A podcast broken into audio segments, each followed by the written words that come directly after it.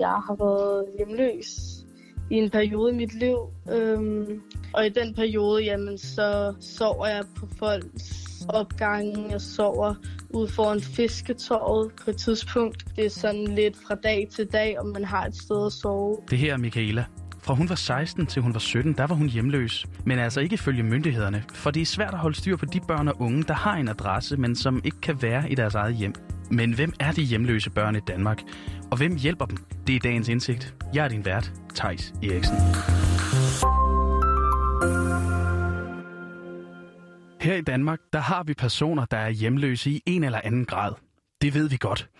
De har desuden også deres egen forening og hjemløseavisen Hus Forbi til at gøre opmærksom på sig selv og de problemstillinger, vi møder. Og derfor, ja, så ved vi altså også, at der ved Vives seneste optælling i 2019 var 6.431 hjemløse personer i Danmark. Hvad vi ikke ved, det er, at der findes unge hjemløse i Danmark, altså personer under 18 år, der ikke har nogen fast bopæl. Jamen, vi har det første halve år registreret det, der svarer til, øh, til 29 børn og unge, som lever i, øh, i hjemløshed eller i funktionel hjemløshed. Hende du hører her, det er Jette Wilhelmsen. Hun er leder i Joanna-huset, som er Danmarks første børne- og ungekrisecenter. De åbnede den 15. november 2020, og efter et halvt år udgav de deres tilbageblik, hvor de gør status. I det her tilbageblik, der kan man læse, at Joanna-huset de har haft kontakt med 29 hjemløse unge. Og yderligere 15 af de 103 børn og unge, der fysisk har henvendt sig i huset, de er altså i fare for inde på gaden. Og yderligere tre unge under 14 år, dem har Joanna-huset af bevillingsmæssige årsager kunne tilbyde hjælp, men ikke husly. Men i den seneste optælling for Vive, der er der altså kun registreret 13 hjemløse under 18 år. Og hvordan kan det hænge sammen? Det vi møder i øh, praksis, det er jo, at når vi har været i dialog med øh, for eksempel øh, en kommune, jamen så, øh, så er det, at øh, man får at vide, jamen af, af princip, så findes der ikke øh, børn under 18, øh, som er hjemløse, fordi de har en adresse hos deres forældre. De kan gå hjem af den måde, man tænker. Og det her, det betyder altså ikke, at der så ikke findes hjemløse unge. Michaela er 17 år og har været hjemløs af to omgange. Senest fra hun var 16 til hun var 17 og kom i kontakt med Joanna-huset hvor det var, at jeg skulle anbringes fra et sted til et andet. Og i mellemtiden, så blev jeg bare hjemsendt til min mor og fik adresse der, selvom jeg ikke har boet der siden jeg måske har været de der fire år gamle. Og det problematikken er i det, det er simpelthen, at min mor, hun er psykisk syg. Så da jeg bliver hjemsendt til min mor, der begynder min mor at få det rigtig hårdt øhm, og får de her anfald. Så Michaela, hun tog til København, da det altså var der, hun havde bekendte og netværk. Og i den periode, jamen, så sover jeg på folks opgange. Jeg sover ude foran fisketåret øhm, på et tidspunkt. Øh, jeg sover lidt over det hele. Det kommer an på, hvor jeg er, øh, når natten falder på. Det er sådan lidt fra dag til dag, om man har et sted at sove. Jeg sover på en legeplads også. Jeg har så, altså, det var meget sådan der random steder. Jeg har øh, overnattet i Københavns Lufthavns øh, parkeringskælder for eksempel og sådan noget. Fuldstændig skørt noget, fordi det er de som der, der kunne få noget strøm, og på fisketorvet, jamen så det åbnede, så kunne man gå derop og kunne få gratis vand. De havde nogle kopper ude foran Espresso House, og du kunne gå ind på handicaptoilettet og vaske dig og gøre alle de her basale ting, børste dine tænder. Altså for mig var, blev det bare altså, til en normal ting at gøre. Så jeg så ikke mig selv som værende hjemløs, fordi jeg hele tiden prøvede ligesom at at bare kæmpe igennem det på en eller anden mærkelig måde.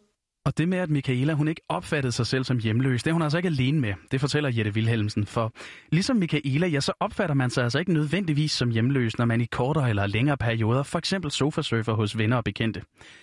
Og her, ja, der er det jo så nærliggende at spørge, hvad med kommunen? Det er jo dem, der har ansvaret for Michaela, der altså bare for en periode skulle være hjemsendt til sin mor, hvor hun så ikke kunne være. Min mor hun er, hvad hedder det, skizofren og har nogle anfald en gang imellem, hvor det er, at hun godt kan se og høre ting, der ikke er der, og hun har nogle redesudbrud, noget ADHD, og så har hun været stofmisbruger hele min opvækst, og er det stadigvæk en gang imellem, når hun er sammen med nogle af de gamle venner, hun hænger ud med i al den her tid, der har jeg så kontakt til min sagsbehandler, og i løbet af den her tid, hvor jeg så på et tidspunkt ringer til hende og siger, øh, jeg har ikke noget sted at sove, hvad skal jeg gøre, jeg kan ikke tage hjem til min mor. Så siger hun til mig, at jeg basically selv vælger at være hjemløs, hvis jeg ikke tager hjem til min mor. Og hun forstår ligesom ikke alvoren i, at min mor hun er psykisk syg. Min sagsbehandler, hun forstod ikke, hvorfor jeg ikke bare var hjemme hos min mor. Og den oplevelse med sagsbehandleren, den er desværre ikke unik for Michaela, det fortæller Jette Wilhelmsen. Og det er det, vi kan se igen og igen, at, øh, at børn simpelthen øh, bliver bedt om at tage tilbage til det hjem, øh, hvor de øh, endelig har taget mod til sig og, og tage fra og søge hjælp. Og, øh, og også få den besked, at jamen, så er det jo dit eget valg, hvis du ikke tager hjem, jamen, så er det jo dit eget valg, at du er på gaden. Så lige pludselig så bliver det den unges eller barnets øh, ansvar, at øh, det er på gaden. Og, og der kan vi se, at Jamen dels så det her med, at man faktisk ikke øh, øh, anerkender det som, at man ikke har et sted at være. Så taler man jo ikke om ind i det her med at være hjemløs. Så taler man jo om, at øh, det er børn, som ikke vil tage hjem. Og som 16-årig med den oplevelse i rygsækken, ja, så var gode råd altså dyre for Michaela. Øh, jeg følte mig selvfølgelig bare magtesløs i den situation. Fordi hvem kommer man så til, hvis man ikke kommer til dem, der skal overtage fra ens, ens forældre, ikke? Jeg havde online timer, imens jeg var hjemløs. Og jeg havde en øh, 10. klasse lærer, som vidste, hvor hårdt jeg havde det. Så hun sendte mig et link ind til Johannehusets åbning. Øhm, og to tre dage efter Johannehuset åbnede, jamen så og det er ligesom der, at jeg søgte ind her. Fordi nu følte jeg ligesom ikke, at jeg kunne, kunne holde ud længere. Og Joanna-huset, det er altså Danmarks første børne- og ungekrigscenter. Det åbnede i København i november 2020, og målet det er altså at give børn og unge et sted, de kan ringe til eller gå hen til for at få rådgivning, omsorg og husly. Det bliver drevet af en privat non-profit-forening, som er stiftet af Jette Wilhelmsen, og da social- og indrigsminister Astrid Krav hun åbnede huset, der sagde hun altså sådan her, frit spiket af min kollega. Det er ikke uden dilemmaer, at I åbner. Det ved I, det ved jeg, og alle I andre, som har fulgt med. Der er dilemmaer i forhold til jeres rolle, samarbejder med kommunen, forældre, efterlysning af politiet. Vi ved det alle sammen. Derfor håber jeg også, at I vil samle alle jeres erfaringer på godt og på ondt. Jeg vil i hvert fald tage imod det, som du sagde i dag, Jette, om samarbejde. Det er en ny grund, I betræder. Det er et nyt brud. Og Joanna-huset, de har altså også ifølge dem selv fokus på at høre den unge, og så bygge bro til andre organisationer, myndigheder og andre, der hjælper og støtter børn og unge. Og det var altså i det, at Michaela fandt løsningen. Joanna-huset, de viste sagsbehandleren, hvor Michaela hun kunne blive anbragt, og i dag der har hun et sted at bo, og hun er også tilmeldt uddannelse. Men hun kender altså flere hjemløse unge. Altså, jeg kender rigtig mange, der, sådan der har haft et problem, måske i en kortvarig periode, nogle af dem, øh, men stadigvæk, hvor der har været et reelt problem, eller børn, der ikke kan komme hjem om natten, fordi de er taget ud, og der, de har en hjemmetid, og ellers så bliver hoveddøren altså bare låst. Så kan du stå der og fryse, ikke? Det, jeg kender i hvert fald rigtig mange, øh, der har været udsat for det. Og det er altså også indtrykket hos Jette Wilhelmsen og Joanna-huset, at der er flere hjemløse unge end de 13, som den seneste VIV-rapport skriver om. Jeg tænker, vi opererer med mørketal. Øh, vi har ikke noget, altså der, vi har på et tidspunkt fundet noget med, at man, man, at øh, man regner med, at der er omkring 200 børn og unge i Københavnsområdet, men jeg tænker, det er meget usikre tal. Jeg tænker, vi i Joannahuset øh, blot har set toppen af det. Og det er altså ikke kun Joanna-husets opfattelse. Også de hjemløses landsorganisation Sand vurderer, at der altså er en del unge hjemløse. Det fortæller Sofie Bay Petersen, der er informationsmedarbejder. 13, det er meget, meget lavt sat. Hele tællingen er jo behæftet med meget store mørketal, fordi de som sagt kun er hjemløse, der er i berøring med et system, man tæller, eller dem, man ligesom kan finde. Øhm, alle de hjemløse, der går under radaren, dem man ikke altså fysisk finder, og alle dem, der ikke identificerer sig som hjemløse, men, men måske surfer på sofaer, eller bare holder sig skjult for systemet, de er jo ikke med i den tælling, og det vil typisk være de helt unge. Vi kan også se den kæmpe stigning, der skete inden for ungeområdet i løbet af de sidste 10 år.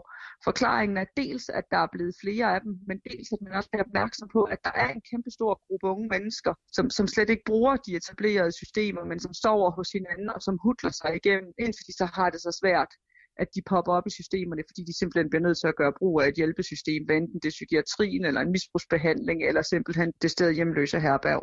Og Sofie Bay Petersen, hun møder altså unge hjemløse igennem sit arbejde, når Sand skal fortælle de hjemløses historier.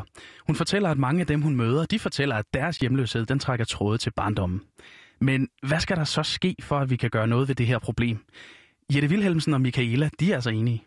Vi ved jo, at der er unge hjemløse, og at det tal jo i, i mange år har været stigende, så har der lige været en periode, hvor det var, hvor det var var nedadgående, men, men vi ved, at de unge, øh, som er over 18 år, at de også fortæller, at de har været hjemløse før de blev 18. Så jeg tænker det først og fremmest, det er at starte med, at, øh, at vi anerkender det og øh, begynder at tale om det, og at vi også, når de her børn så rækker ud, øh, ja, møder dem med åbenhed og nysgerrighed og rent faktisk tager dem alvorligt. Også hele det her, vi snakker om nu med, at øh, man, kan altså, man kan i realiteten ikke være hjemløs ung. Jeg tror, det er der, den ligger. Hvis det først er en ting, der bliver i tale sat, jamen så bliver det lige pludselig et reelt problem, de har. Jeg tror, eller jeg ved, jeg ikke er den eneste unge, der går igennem det her. Og dermed så nåede vi slutningen på dagens indsigt. Tilbage der står spørgsmålet. Hvad gør vi som samfund for de unge, der altså er uofficielt hjemløse? Og hvad skal vi gøre for at hjælpe dem? Det kigger vi på i torsdagens udgave af Indsigt. Dagens udgave den var tilrettelagt af Henriette Kamp, Jonas Jakobsen og Rassan El Nakib. Jeg er din vært, Thijs Eriksen, og jeg siger tak, fordi du lyttede med. thank you